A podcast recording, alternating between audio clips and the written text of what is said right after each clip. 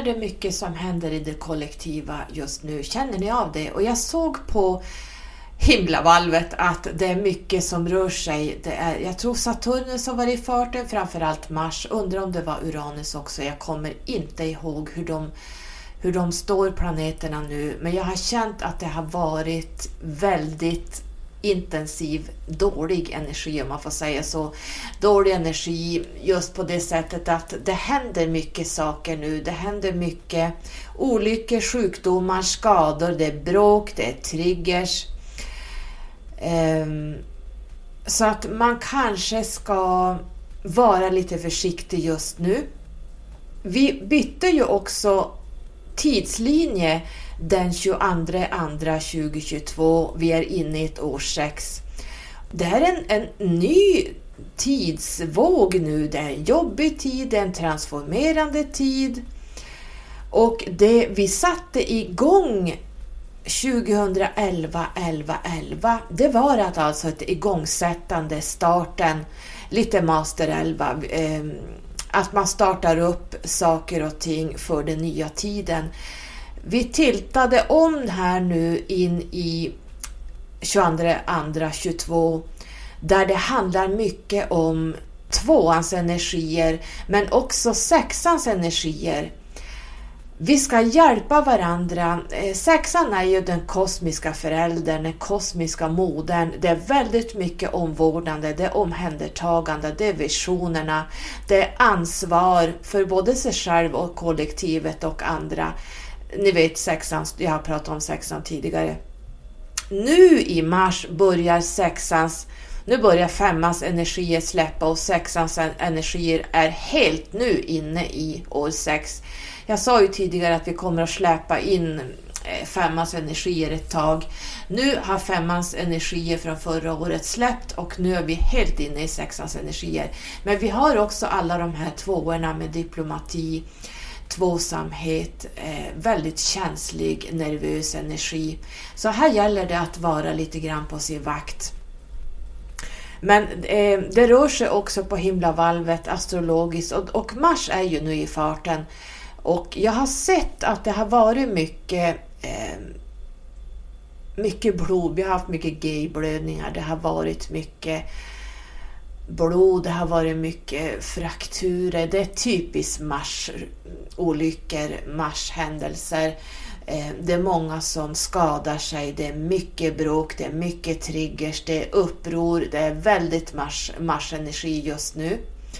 En nära vän till mig kontaktade mig att hon hade det jättesvårt. Eh, hon, eh, vi pratade nog i två timmar i telefonen.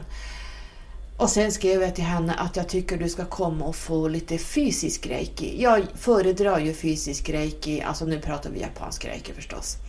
Och det, ehm, eh, det tycker jag är den bästa i och med att jag jobbar, jag är mer van, eh, jag jobbar fysiskt med människor, jag tar i dem, jag klämmer och känner på dem. Eh, jag eh, ser deras, deras energier, Eh, Eh, jag kan prata med dem, jag kan känna hur de mår, jag ser hur de mår. Så att jag vill gärna, helst om jag får välja, ha, eller ha människor framför mig när jag ger reiki för då, kan jag, då får jag in hela helheten på en gång. Det, det är ju så jag jobbar i mitt ordinarie jobb.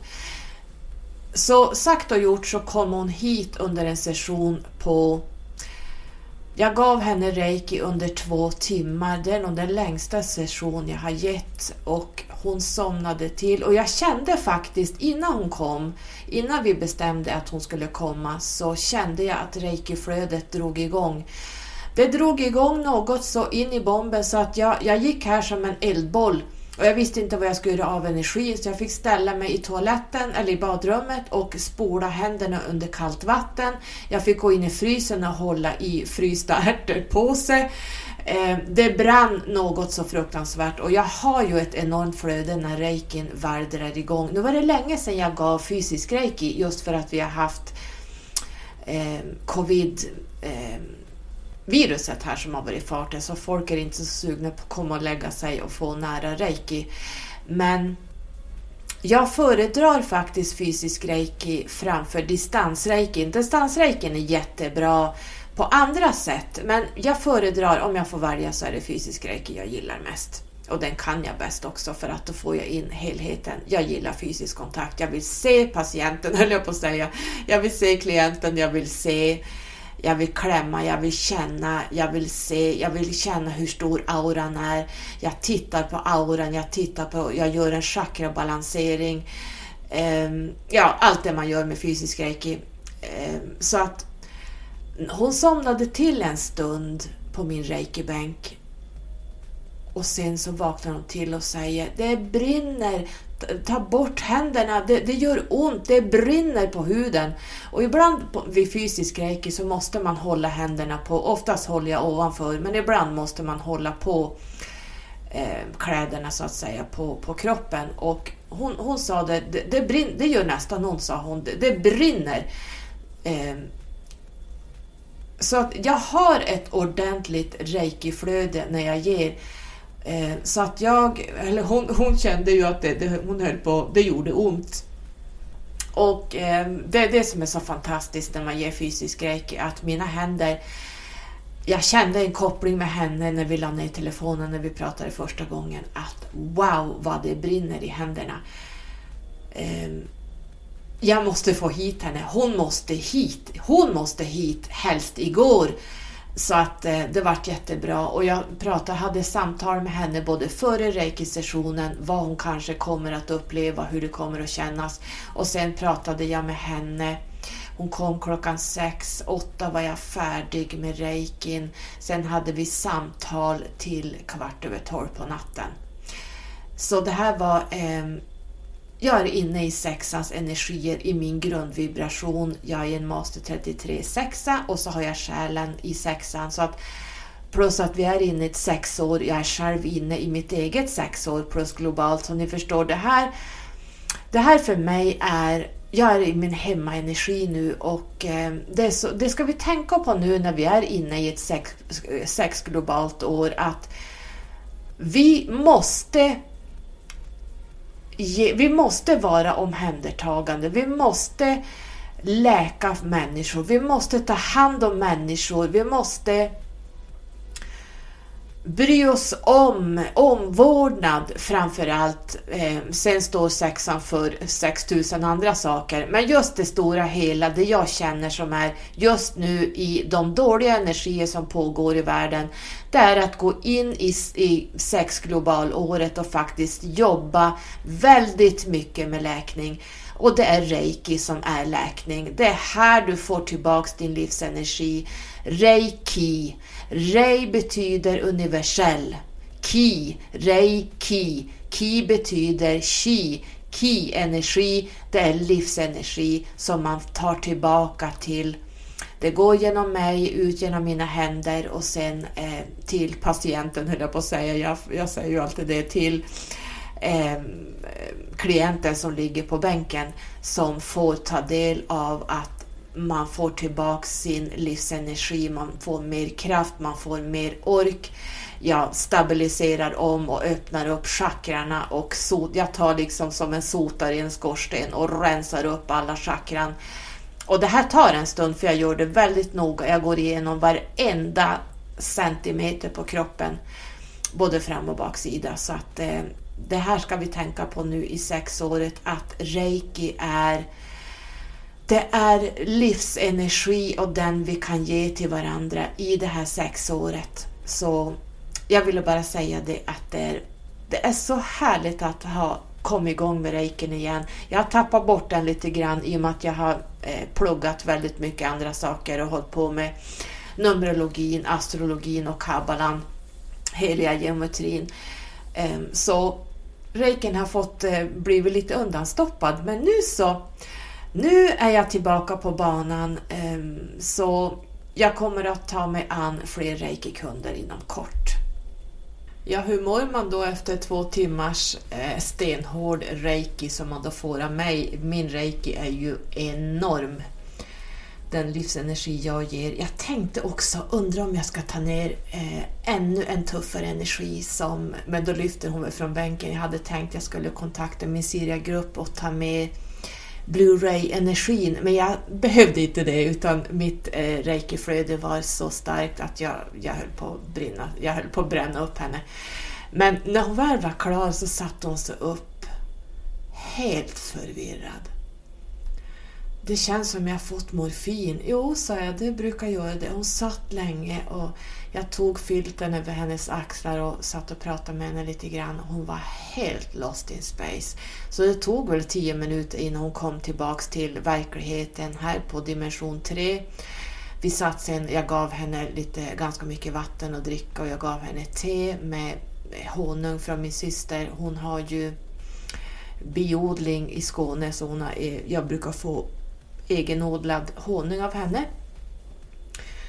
Och jag berättade för henne att nu kommer det att ske en utrensning i din kropp. Ehm, och jag berättade om när jag gav min son första gången.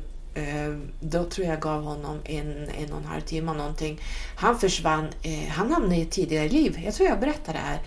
Eh, min son hamnade i ett tidigare liv där han var i någon form av riddarorden någonstans. Eh, kommer nu... jag har det nedskrivet men jag har inte plockat upp det. Men det var någonstans för några hundra år sedan. Han beskrev symbolerna de hade, eh, han beskrev vad han sa vad han hette och han berättade om att han var född men vi hittar på, jag minns inte vilket årtal det var, men 1500-talet och så sen 9, nej, 13 september. Ja, men det var, lät ju lite konstigt att där kanske du inbillar dig att, att du är född exakt samma dag och månad som du är född i det här livet. Nej, äh, sa han, det var det och den här symbolen. Han hade varit ute och flugit lite på alla möjliga ställen och jag kan säga att det finns ingen som är så anti det jag pratar om som han. Men han berättade var han hade varit. Sen efter den här reiki-sessionen så gjorde han en utrensning och fick springa på toaletten och det sprutade diarré under tre dagar så att han, han rensade ut kroppen ordentligt. Sen började han, som aldrig har bakat någonting i sitt liv, han började baka hälsobröd, alltså vanligt matbröd. Det bakade han i en vecka efter en session reiki. Så pass utrensad och ren blev han invändigt. Och jag i min tur började googla upp det här årtalet och det här namnet och det dyker upp en man där på Wikipedia, jag höll på att ramla av stolen, som hette precis det han sa. Det var en riddarorden, jag tror jag pratade om det här någon gång i något avsnitt.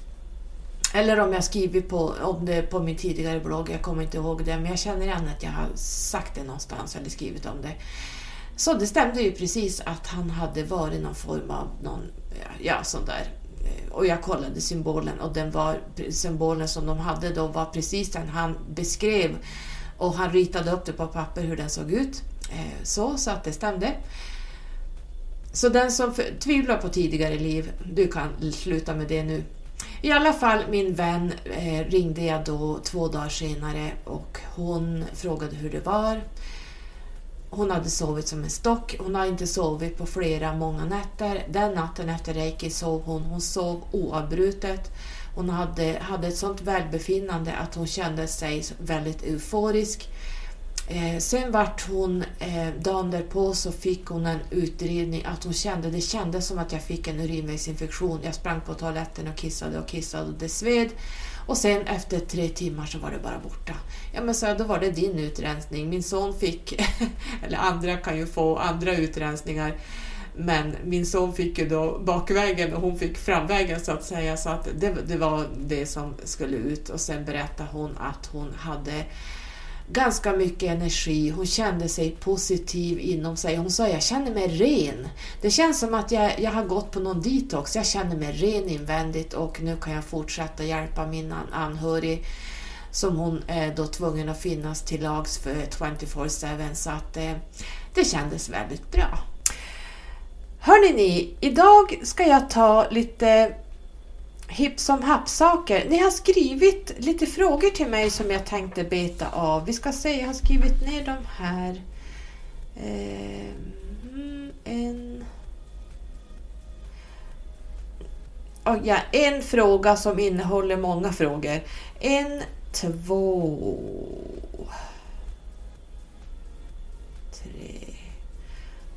Ja, jag tar, vi, vi tar det eftersom ungefär tre frågor med kanske lite många frågor i varje kategori så att säga. Så jag tänker jag ska prata om dem och sen ska vi gå vidare, om vi hinner, till våra själsdjur.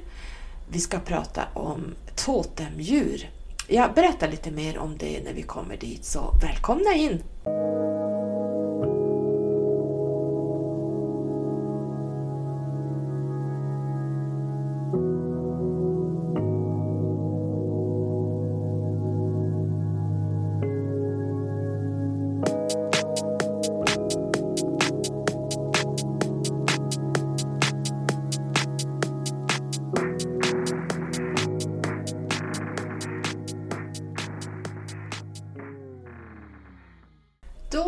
Till första frågan. Jag ska försöka hålla det här väldigt kort så jag hinner prata så mycket som möjligt om andra saker.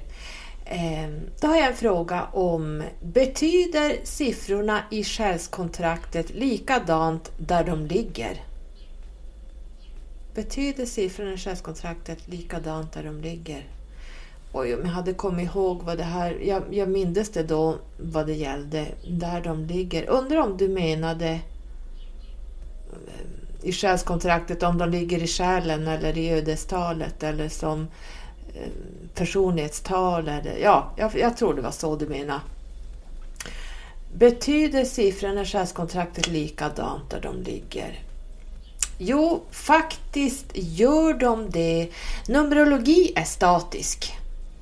Och eh, de, där du har en trea då har den egentligen samma betydelse. Men om du har en trea på olika ställen. Eh, du kan inte jämföra själstalet med livsvägen. Eh, om du har en trea på livsvägen blir inte riktigt samma som i själstalet eller på andra ställen i själskontraktet. Eh, eftersom själstalet handlar om något helt annat, ödestalet handlar om något helt annat. Tänk dig astrologi. Astrologin är också statisk. Vågen betyder samma sak var man än har vågen. Eh, skorpionen betyder samma sak var du än har skorpionen. Men i vilka hus de ligger blir lite skillnad beroende på var du har respektive planet och stjärntecken. Så att om jag, om jag gör en liten jämförelsen med astrologin, med numerologin. Det blir samma sak i själskontraktet att om du tänker dig en astrokarta att du har skorpionen i fjärde huset och så har du en femma i ditt ödestal.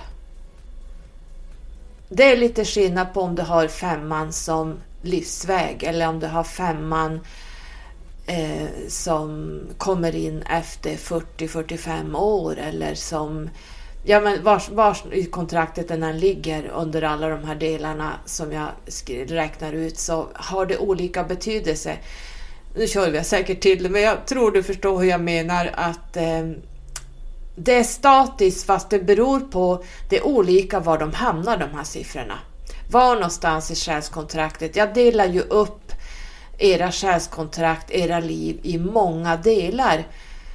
Och det beror, egentligen så kan man säga att en sexa på livsvägen blir inte riktigt samma som en sexa på ett annat ställe för det beror på, det handlar om andra egenskaper. Och samma sak är det med astrologi. Ehm, skorpionen i första huset skiljer sig från att ha skorpionen i sjunde huset till exempel. Det blir en annan scen, det blir andra utgångar, det blir andra händelser, det blir andra egenskaper fast du har med dig samma energi. Hoppas du förstod vad jag menar. Eh, jag hoppas det inte blev för tjorvigt där. Eh, fast eh, Numerologin är statisk och det är egentligen också astrologin för Mars kommer alltid ha Mars-energier och Venus kommer alltid ha Venus-energier och eh, alla andra planeter kommer ha sina energier och varje stjärntecken signalerar om vissa egenskaper som spelar ut sig, eh, en roll som vi spelar här nere. Så det, det, lite så kan man se det. Det man däremot inte kan göra det är att läsa numerologi i tarot. Det, det går inte. Man kan det fast man använder, man eh, vinklar om det lite grann.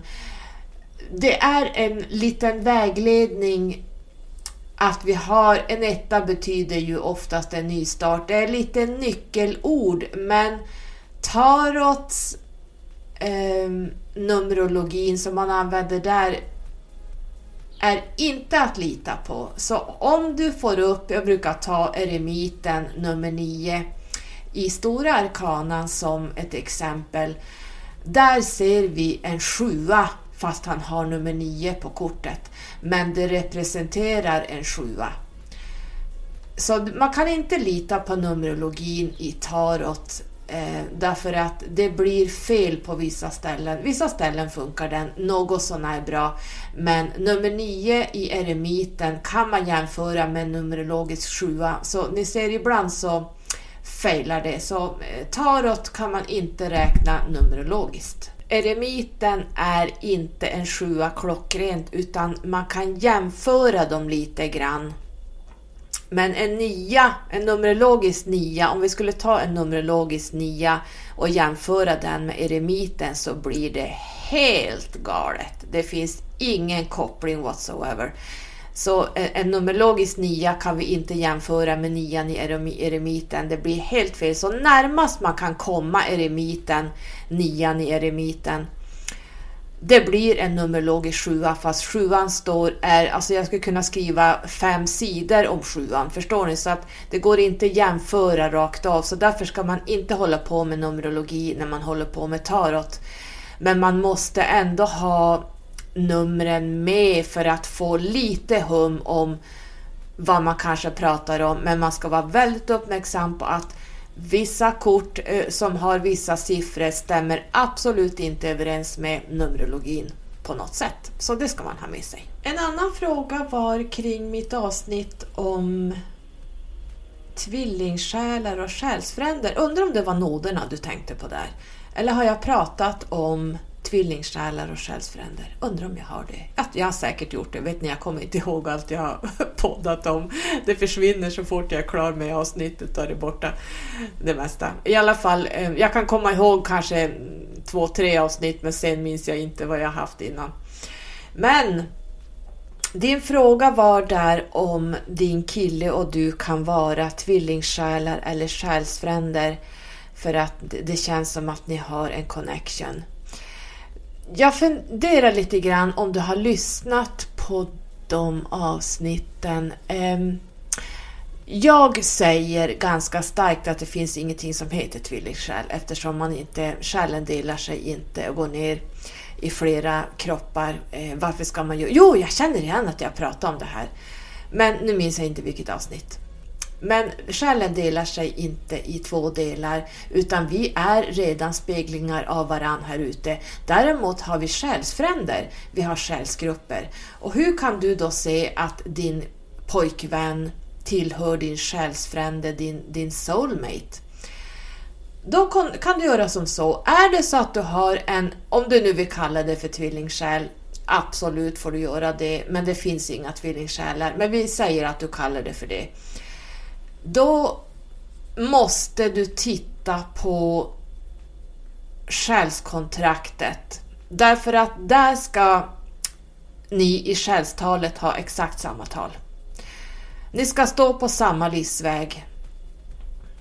Ehm, det är inte säkert att ödestalet är lika, men livsvägen bör vara exakt. Framförallt själstalet måste vara exakt och en massa andra tal också. Eh, och du ska även titta på månnoderna om ni är så kallade tvillingsjälar inom parentes. Jag kallar det för soulmates eh, i och med att vi, eh, livet här nere är en skola och vi möter våra, våra själsgrupper eh, Antingen så kommer de in i vårt liv och rör om saker och ting och så drar de. Eller så blir de bästa vänner. Det kan vara våra föräldrar, det kan vara Eh, morfar och mormor, farfar och farfar, det kan vara våra barn and so on. Så du ska titta på om ni har likadana månoder eller spegelvända. då är ni en i samma själsfamilj, då är ni soulmates. Du vill kalla det tvillingsjäl, jag vet inte, det finns inga tvillingsjälar. Men, men om du vill kalla det så, så ska du titta på månnoderna. Eh, där bör ni vara spegelvända eller exakt likadana. Ni ska ha samma själstal och samma livsväg. Eh, om det nu ska vara en tvillingsjäl, om man nu går efter det konceptet. Så där kan du kika lite grann hur det ser ut. Annars har ni absolut ingen koppling till varann. Då, då är det någonting annat. Eh, men eh, har man en så kallad tvillingsjäl då har man exakt samma själstal, man har samma noder eller spegelvända noder. Och du frågade också soulmates, är man ihop som kärlekspar eller? Nej, soulmates behöver inte vara kärlekspar, men man håller ihop genom livet. Eh, Kanske inte hela tiden, man kan pausa från varandra, men man har ändå en själslig koppling som jag brukar kalla, numerologin har ju som jag brukar kalla det osynliga trådar som eh, sträcker sig ut eh, till olika människor som vi ibland inte vet att de finns och ibland vet vi att de finns. Och de här eh, själsliga numerologiska trådarna, de sitter fast i den personen så att de finns kvar hela livet. Men det behöver inte alltid vara en kärleksrelation. Det kan vara min soulmate, vi har inte en kärleksrelation längre. Vi har utvecklats till ni vet min engelsman, my Englishman, ehm, han och jag har utvecklat något annat, något djupare. Ehm, jag har inget ord för vad vi är idag. Inte vänner, ja vi är vänner naturligtvis, men vi är något djupare än det. Jag har inget ord för vad vi är, men vi är, vi är inte ett kärlekspar. Vi har varit det, men inte längre. Vi har en djupare nivå. Vi har en själslig nivå. Förstår du hur jag menar då? Ehm, så det be behöver inte alltid vara... Min son till exempel, han är ju min riktiga, alltså han är ju soulmate nummer ett. Han och jag är ju så ihopkopplade så att jag känner ju idag att han är inte min son, men han är det, så har vi utvecklat ett, en kompisrelation, en väldigt djup vänskaplig relation på ett annat plan än mor och son. Så eh, det kanske låter lite flummigt det här, men så ser jag det och så känner jag och så vet jag att det är. Eh, Medan tvillingsjälskonceptet, det är inte riktigt sant. Eller det är inte sant. Eh, rent... Ja, det går inte på något sätt att själen delar sig i två. Det funkar inte. Jag kan bara säga så, jag hinner inte ta det idag. Men det, det, jag har kollat av det här, det funkar inte. Det, det finns inte på världskartan. Så soulmates i sådana fall, och då tittar du efter månnoderna, om de är spegelvända eller likadana och så tittar du på själstalet, ska ni ha likadant? exakt samma själstal om ni ska ha ganska lika själskontrakt om vi säger så. Karmiska relationer kommer också från våra själsgrupper. Kärleksrelationer kommer från våra själsgrupper. Allt handlar här nere på det fysiska planet. När det gäller kärleksrelationer så handlar det om att dels fort, eh, fortplanteringen, vad heter det, att man, man ska fortsätta eh, fortplantera oss för att vi ska, det ska födas mera barn och så vidare. Eh, däremot kan vi få barn med sådana som vi absolut inte blir tillsammans med. Men när det handlar om att man ska ha en relation med en person så handlar det om att man ska lära sig just relationskonceptet. Man kanske har en tvåa på livsvägen, man kanske har en tvåa på, i själstalet man kanske har en tvåa på starka ställen eller kanske har man vågen någonstans som eh, det verkligen det går in impact här, att det handlar om relationer stör, störst, större delen av ditt liv. Du kommer att dras till just relationer, familj, eh, barn, ja, allt vad det här handlar om. Och det är att man måste i det här livet lära sig att hantera tvåsamheten och allt vad det innebär som vi inte hinner ta idag.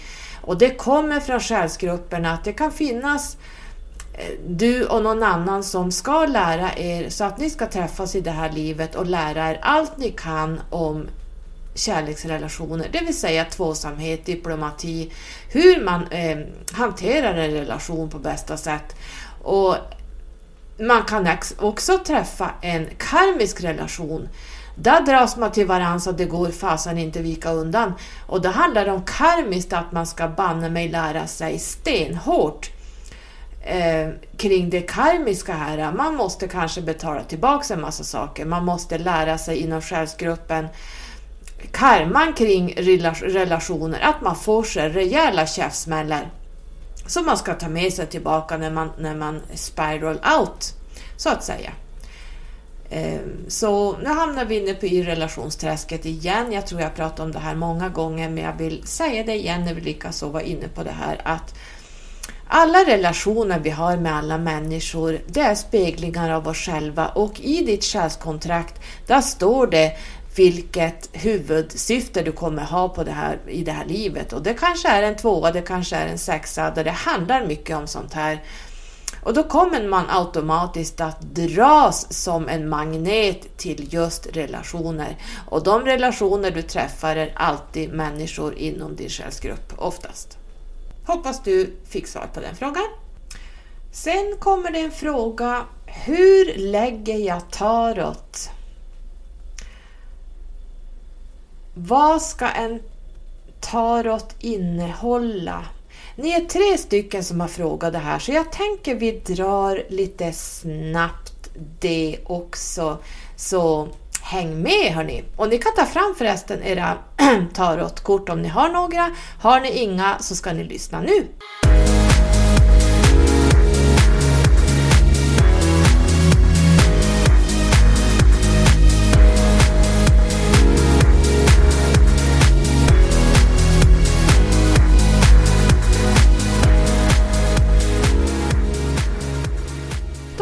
Fått tre frågor. Det första är hur lägger jag tarot? Alltså hur jag gör det, tror jag. Hur, hur, hur, hur du lägger det, jag skriver, hur lägger jag tarot? Eh, vilken tarotlek är bäst att börja med och sen vad ska en tarot innehålla? Jag tänker inte återupprepa mig, ni vet att jag gillar inte det, så att egentligen börjar vi så här. Vilken tarotlek är bäst att börja med? Då har jag gjort ett, en artikel kring det som heter, om ni går in på min hemsida och så går ni under artiklar och så går ni till den 17 11 21. Där står överskriften Tarot, esoterik och symbolism. Läs där vad tarot ska innehålla och lite esoterik och symbolism så får ni lite djupare där för jag hinner inte prata om det idag. Eh, sen har jag även skrivit den 20 i 11 21. Då har jag skrivit om äldst tarot i världen. Så där kan ni också kika in lite grann om tarots historia. Det här är två väldigt välbesökta artiklar. Jag tror jag har några hundra per dag som är inne och tittar på just de här två. Jag har några andra också. Jag kanske ska lista mina, mina Eh, de som inte läser så mycket på nätet, jag kanske ska lista vilka som är mina mest lästa artiklar. Men de här två är två av dem, så jag tänker ni får gärna gå in där och läsa. Ni som har frågat eh, vilken tarotlek är det bästa att börja med? Då kan jag direkt säga det är den absolut bästa. Som, alltså vet ni hur många tarotlekar jag har? Oh my god!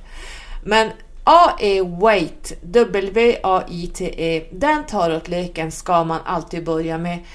Ehm, den, eh, den, den innehåller allt vad en tarotlek ska innehålla om man är nybörjare. Sen kan man gå till lite mera det blir mindre och mindre av det jag har listat upp och då när man kan läsa tarot bara av att ha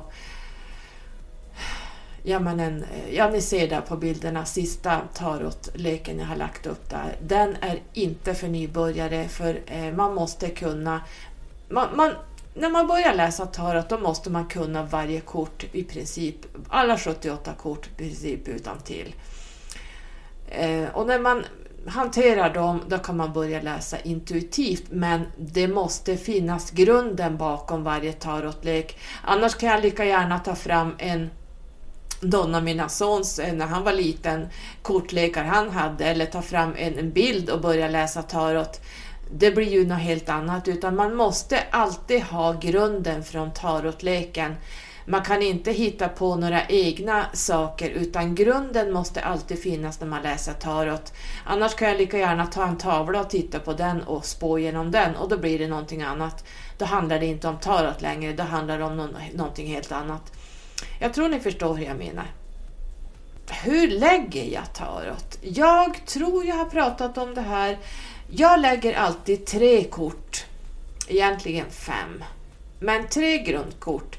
Jag lägger, alltså när jag blandar, nu är jag väldigt eh, stenbockig när det gäller sånt här. Så att det är många som blandar och sen lägger man ut det som en solfjäder och så drar man ett kort.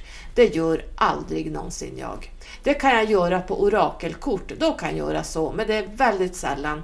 Utan jag ska ha det, jag går in väldigt djupt när jag blandar. Jag blandar kortleken, alla 78 kort väldigt väl och väldigt länge. Jag går in i ett meditativt tillstånd. Jag ställer en fråga. Eller ibland gör jag inte idag. idag ibland vill jag bara veta hur veckan ser ut. Men har jag, oftast är det specifika frågor och då är tarot väldigt bra. Och då blandar jag som man vanligt som man blandar. Sen lägger jag tre högar och delar upp högarna i tre delar. Sen lägger jag den första högen över den sista och sen den högen över den mittersta. Sen börjar jag kupera och det kan jag göra ett bra tag. Sen blandar jag igen och den sista blandningen där känner jag intuitivt när det är dags att sluta blanda. Det här är en konst att känna, stanna där och då vet jag precis nu är det, nu är det eh, färdigblandat. Ibland kan man få sitta länge och då blir det exakta. Det kan aldrig bli så exakt som när du blandar på det här sättet, än att du bara drar ut i en solfjäder så drar du ett kort. Det blir inte samma intuition. Utan när du blandar som jag gör, då får du exakta kort. Det blir så exakt så det går inte att få fel. Ehm, och första kortet som du då lägger ut när du har lagt din, eh, eller tänkt din fråga, då lägger jag först ut ett kort och det blir dagens kort och det lägger jag lite ovanför, lite åt sidan. Det vänder jag aldrig på förrän på kvällen. Sen drar jag kort nummer två, det blir första kortet för, för den här frågan. Eh, kort nummer två i mitten. Förstår nu, kör vi till det nu. Alltså ett kort ligger på sidan om det första jag drar, men det räknas inte in i den här läggningen. Det blir mera dagens kort. Så tänk bort det nu, men jag lägger det bara för jag vänder det på kvällen. Eh, så kort ett sen efter det, det blir kort nummer ett, sen blir det kort nummer två och kort nummer tre. Och det första kortet är dåtiden. Vad har hänt? Vad har... Ja men dåtiden. Vad har du gått igenom? Eh, hur har det sett ut? Beroende på vad du frågar om. Sen mittenkortet är nuet. Var är du just nu? Vilka processer pågår just nu? Vad är du inne i just nu? Det kommer som nummer två, det är nuet. Och tredje kortet, det är framtiden. Vad händer här?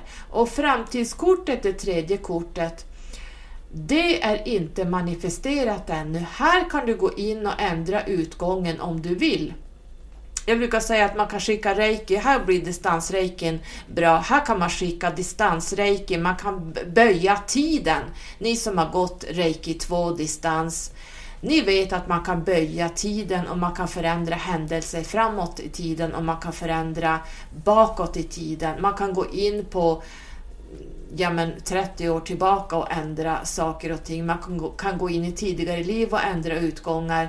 Man kan läka saker. Men det här är en annan fråga. Men jag kände bara att framtiden i det kortet, det, det är en det, det, kan bli så här. Det ser mest troligt ut som att det kommer att sluta så här, men du har fortfarande chans att förändra den om du inte gillar det kortet som kommer. Antingen ser du det som ett lärdom att du ska gå igenom ett tufft kort som kommer.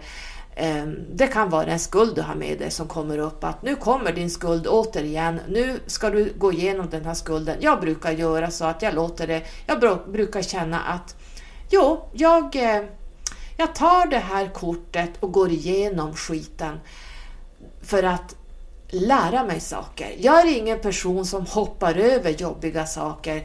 Det finns tarotläggare eller läggare som aldrig vill hålla på med tarot för de tycker att det är jobbiga kort. Då har man inte riktigt, då flyr man från någonting, då vill man inte se vad som kommer. Och så ska man inte hålla på, utan man måste fejsa det som kommer. Så är det bara. För varje kort är en blessing. Om än det inte känns så just då, kommer tornet eh, 16-7 brukar jag kalla det för. Numerologiskt är den 16-7 men nummer 16 i tornet. Vi kan, vi kan prata om tornet en annan gång, men eh, då vet jag att wow, det kommer att rasa samman. Det blir en enorm transformation och det här huset är uppdelat i flera våningar. Och jag ska prata om det här en annan gång, men eh, det Kommer det ett jobbigt kort från framt i framtiden så kan man faktiskt välja att gå igenom det här som en lärdom, för den kommer att komma upp någon annanstans istället, så varför inte göra bort det nu? än att ha det i framtiden. Så tänker jag. Och vill du ändra det här, då kan du eh, förändra nuet så att utgången blir en annan. Det väljer du själv. Sen sist av allt, då drar jag det understa kortet i högen som jag då har blandat. Det är skuggkortet. Här ser jag lite grann vad är det jag inte vill se? Vad är det jag inte ser? Vad är det jag har svårt att jobba med? Vad är mina skuggsidor kring det här som jag lyft, måste lyfta upp till ljuset? Och där får jag också en väldigt bra vägledning att aha, jag kommer ihåg att jag la en läggning för en vecka sedan där mitt skuggkort kom upp. Först började jag se 19-ettan. Eh, lite överallt hela förmiddagen såg jag 19.1 jag tänkte vad fan är det för jävla egoskuld jag har nu? Alltså, vad är det nu? Eller jag har ingen egoskuld men jag, jag vet att det är en, en egos, egocentrisk skuld av, som kommer från eh, ettan. Och sen när jag drog det här skuggkortet så kommer solen upp och solen är nummer 19 så det blir en 19 etta.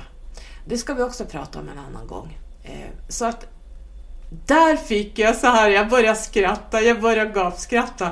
Därför att jag vart... Eh, redan innan jag började lägga min tarotläggning så kom 19 ettan upp att det finns någonting här du måste jobba med i, skuggsidor och så kommer solen upp. Så att det var liksom det. Solen är ju liksom jaget, solen är egot kan man säga lite grann. Så det, då visste jag direkt i den här läggningen och kring frågorna, då visste jag så började jag skratta. Så att så här funkar det när jag spår mig själv, att jag får Numerologin kommer in oftast före väldigt mycket och förvarnar innan korten. Ibland kan jag se Numerologin på morgonen att det, det kommer vissa siffror hela tiden och sen vet jag, aha, okej, okay, där är vi idag. Eh, och så lägger jag en läggning till mig själv, ja, då kommer eh, liknande kort upp. Så att så funkar det. Så så lägger jag tarot. Eh, tarot är det mest träffsäkra du kan lägga. Det handlar om det går inte att jämföra med orakelkort. Orakelkort säger mig absolut ingenting. Jag vill inte ba bara ha unicorns och, och bla bla bla. Utan eh, jag vill ha processen när jag är i livet. Det, det är det tarot handlar om. Vad ska tarot innehålla? Eh, jag tittar på den frågan nu. Eh, den ska innehålla, jag säger det, ni kan gå in och läsa på, på mina artiklar, men den ska innehålla, innehålla numerologi. Det ska finnas, och det finns det tror jag på alla tarotkort, att det finns siffror på korten. Det ska finnas astrologi så att man kan läsa det astrologiskt. Eh, de fyra elementen ska finnas med. Djuren och dess symbolism ska, ska vara med i, i nybörjarkorten. Och eh, klara avgränsade färger känner jag, för färgernas symbolik har väldigt mycket med, med spå, att spå sig själv att göra. Eh, vi sa ju alla fyra sviterna ska ju vara med och det finns det ju förstås i tarot antar jag. Där har vi ju svärden, bägarna, elden och pentagrammen. Sen på kvällen när dagen är över, då går jag tillbaks till min läggning och så tar jag med mig det här första kortet, dagens kort som jag la åt sidan. Och så tänker jag mig intuitivt, så tänker jag, vad kommer det vara för kort som ligger här? Och då vet jag ungefär hur dagen har varit. Och när jag vänder på kortet så är det till 99 procent det kort jag har föreställt mig att det ligger där. Och det är därför taret är så klockrent, för att det, kan, det visar aldrig fel. Det, alltså jag har lagt tarot i så många år, det har aldrig någonsin felat i mina läggningar tack vare att jag blandar som jag gör. Jag är väldigt konstruktiv i, i varje steg jag gör när jag, när jag blandar och lägger tarot och hur jag tänker. Um, och därför blir det aldrig fel. Jag har ett system när jag lägger, jag håller inte på med några stjärnor eller sånt där, jag tycker bara det är bullshit. Utan jag lägger, jag vill veta, det, det man egentligen vill veta det är dåtid, just nu och vad händer framåt och hur kan jag förändra det? Eller ska jag gå igenom det? Så, så det är oftast det vi behöver veta. Vi behöver inte hålla på med något annat tjorv. Då blir det bara tjorvigt tycker jag. Utan eh, nej, stjärnor och sånt där, man lägger olika tarotläggningar. It's not for me. Men det är så olika hur man gör. Då får man göra precis som man vill. Vill man hålla på och lägga 20 kort, ja varsågod. Men det blir väldigt svårt att hålla reda på vad som är vad, det kan jag säga. Så att eh, sista läggningen jag gjorde då, det var ju då eh, samma dag som min vän kom och skulle få reiki eller om det var dagen innan, jag kommer inte ihåg.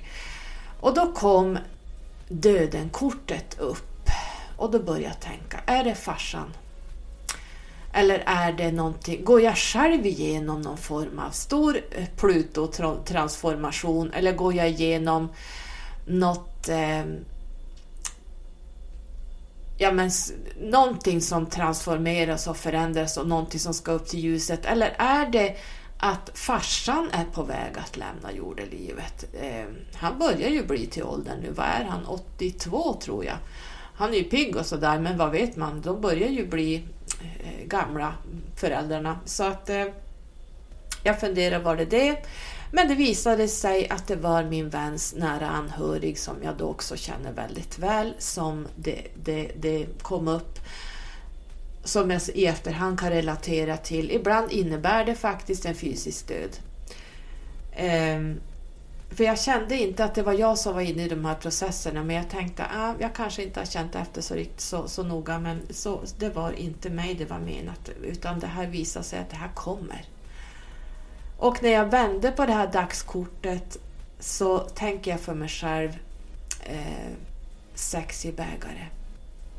Ni vet, sexan står ju för omvårdnad, den kosmiska modern. Sexan, jag har ju en grundsexa på livsvägen och jag har min sexa i själen.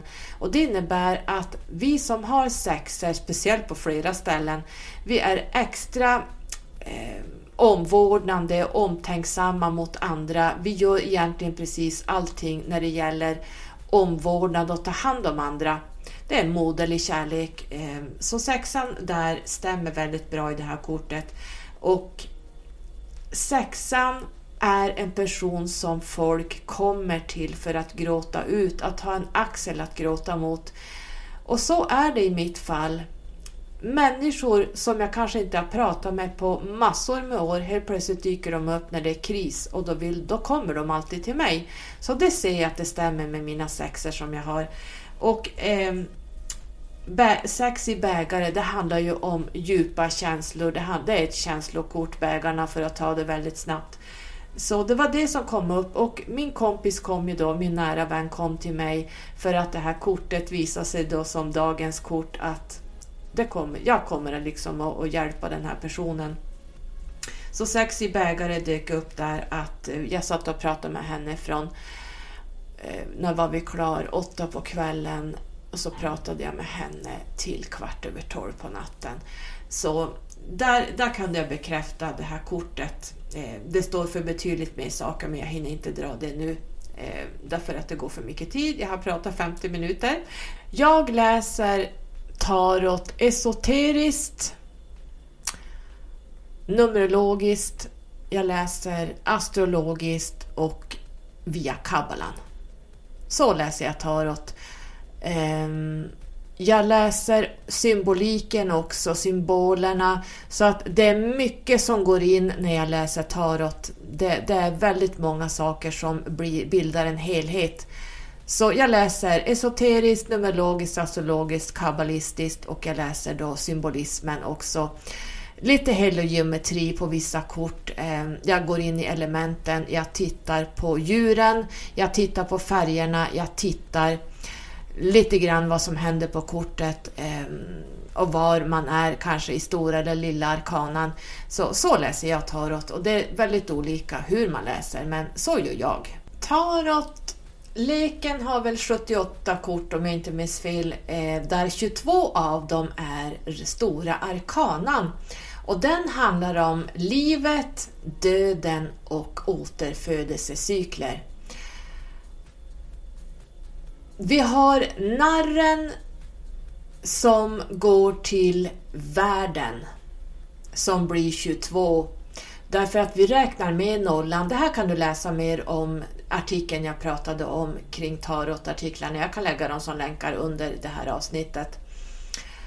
Eh, och det kallas ju då för Major, stora arkanan som då egentligen här nere representerar vårat makrokosmos om vi ska göra det enkelt, det är de större händelserna, det är själens vandring och det är själens utveckling i olika cykler i livet, i döden och återfödelsen. Minor, alltså lilla arkanan, det är vårt mikrokosmos som utspelar sig i sviterna här har vi elementen och numerologin, vi har astrologin, vi har färger, vi har viktiga symboler. Det finns även i stora arkanan, men vi, kan, vi, ser, vi läser mycket så här när vi läser i den lilla arkanan också.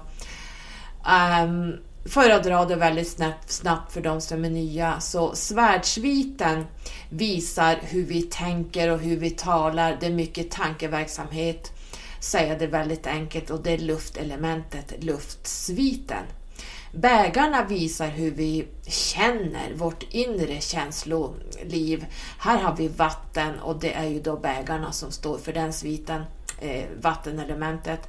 Sen har vi stavarna som visar hur vi startar upp saker, det bränner iväg. Eh, här agerar vi, vi drar igång med full karriär och här har vi elden förstås och det är stavarna. Sen har vi då pentagrammen som visar på det jordliga, eh, att stå stadigt, att vara trygg, att ha... Det kan även visa på välstånd och pengar, överflöd. Hur, alltså egentligen saker som vi har manifesterat på den här tredje jorden. Det här är ju då ett jordelement förstås, pentagrammen. Um, vad ska jag ha sagt mer? Uh, lilla arkanan är ju det vi ser varje dag här nere. Hur vi jobbar med saker och ting här nere dagligen dags. Men stora arkanan, eller kortet, speglar de stora händelserna, alltså själens vandring. Och sen om du har ett, ett stora arkanan-kort så kommer det kanske ett lilla arkanan-kort under eller bredvid. Då är det lite grann vad som utspelar sig i där själen står just nu i den här cykeln. Jag ser lite grann att det finns som tre linjer av stora arkanan. Alltså tre sätt av sju. Där vi frigör narren som vi lägger under varje sätt av de här sju korten. Är ni med? Ettan kan man ju då säga, det är ju magikern, där går vi till vagnen. Och andra linjen, de nästa kort, nästa sju sätt, set tre, andra sättet av sju, det är ju styrkan till rättvisa, styrkan rättvisa till måttfullhet. Och tredje sättet av sju, det är alltså från djävulen till världen. Och världen är ju det sista kortet som är 21. Men 21 och narren blir det, det, det därför det blir 22. Jag ser det som norren, norren, hörnu, narren och eh, världen 21. Eh, narren är 022. Narren är ju du. Det är ju det det här eller tarotkorten handlar om, eller den du spår. Narren är du som är huvudpersonen som springer mellan och igenom allting. Därför att narren är din själ. Narren flyttar oss från magikern till vagnen. Narren flyttar oss till styrkan, rättvisan, till måttfullhet. Narren förflyttar oss från djävulen till världen. Så första sättet eh, första sju korten handlar om livet, födelsen, jaget och livet och födelsen. Andra sättet, sju kort, handlar om styrka, snedstreck, rättvisa, Eh, till måttfullhet och här handlar om det om döden, egodöden. Dö, dödslinjen skulle man kunna säga. Och tredje sättet av sju, det går från djävulens väg till, eller till sista kortet, världen. Här gör vi en rebirth, en pånyttfödelse och här pågår en stor enorm transformation. Så jag hoppas att det var lite svar på din fråga hur jag läser tarot och eh, hur man ska tänka när man börjar. Jag tycker man börjar med eh, A.E. Waits tarot den är nog störst storsäljare av alla tarotkort som finns. Den är jätte... Jag går alltid tillbaks till den när jag ska lägga. Sen kan jag lägga naturligtvis, det är roligt att ha olika tarotlekar men det är ändå den jag lägger när, när det är the real deal. Då är det den jag lägger. Mm. Nu hör jag det någon som frågar Vem är det som visar korten? Det är ditt högre jag. Det är alltid ditt, ditt högre jag som lägger fram de korten som ska fram. Det finns ingenting annat som lägger dina kort utan du kopplar upp dig på det högre jaget när du drar kort. Vare sig du är medveten om det eller inte. Det finns inga guider eh, som lägger kort eller, och det finns absolut inga änglar. Änglakonceptet måste vi lämna nu 2022. Eh, kristendomen måste vi börja begrava. Så det det är ditt högre jag som eh, du kopplar upp dig på när du ska ha eh, rätt kort och när du lägger kort. Jag känner att vi hinner... Jag kanske ska prata lite mer tarot. Men just nu känner jag att jag hinner inte ta så mycket mer. Vi är inne i en timma nu. Jag hade tänkt prata om våra totemdjur. Det hann vi inte, det får bli en annan gång. Eh, ni kommer ihåg att jag gjorde Insta-stories för några veckor sedan där jag frågade om vad ni hade för totemdjur eller ja, ni vet ju att eh, det, vi har djur som, som stöttar oss på olika vis. Och jag tror jag fick 50-60 svar. Kommer ni ihåg vad jag delade era svar på Insta-stories? Det tog aldrig slut. Ni var jättetaggade på det här och det var jätteroligt att få veta eh, vilka djur ni hade som finns där ute runt omkring er och de har förstås en koppling. De här djuren väljer inte vi, de väljer oss. Så jag sparar det avsnittet till nästa gång. Det blir jättespännande. Vi ska prata om olika djur, eh, hur de och varför de vägleder oss och lite grann att de är våra andliga guider, våra andisar. Eh, andligheten och andi, jag brukar säga andisar. Eh, våra andisar som vi har runt omkring oss och vi, en del är så stängda så man märker inte att de är hela tiden och visar sig och man bara fan den här jävla fågeln är här utanför hela tiden och pickar. Och den här jäkla fågeln flög in i vardagsrummet eller det, det kom in eh, tio fjärilar igår. Alltså why? Jag brukar inte ha några fjärilar här. Eller det kommer in djur där man är ute och går i skogen så här plötsligt dyker det upp ett djur från ingenstans. Ja, ni vet, den här listan kan göras lång, så vi, vi sparar det till nästa gång så ska ni få veta lite mer kring just de här själsdjuren, eh, våra andisar som finns runt omkring oss och vägleder oss. De är budbärare och hjälper oss på jättemånga sätt som folk inte ens kan förstå. Så vi sparar det till nästa gång och så hoppas jag att eh, ni som har frågat har fått svar. Det blev som vanligt väldigt länge att prata. Men eh, jag är ju noggrann så mm, det blev så idag. Det blev lite längre än vad jag hade tänkt. Man föreställer sig att man ska prata typ fem minuter med varje fråga och så blir det inte så. Så tack för att ni har lyssnat hörni ni, så hörs vi en annan gång. Puss och kram! I love you! Hejdå!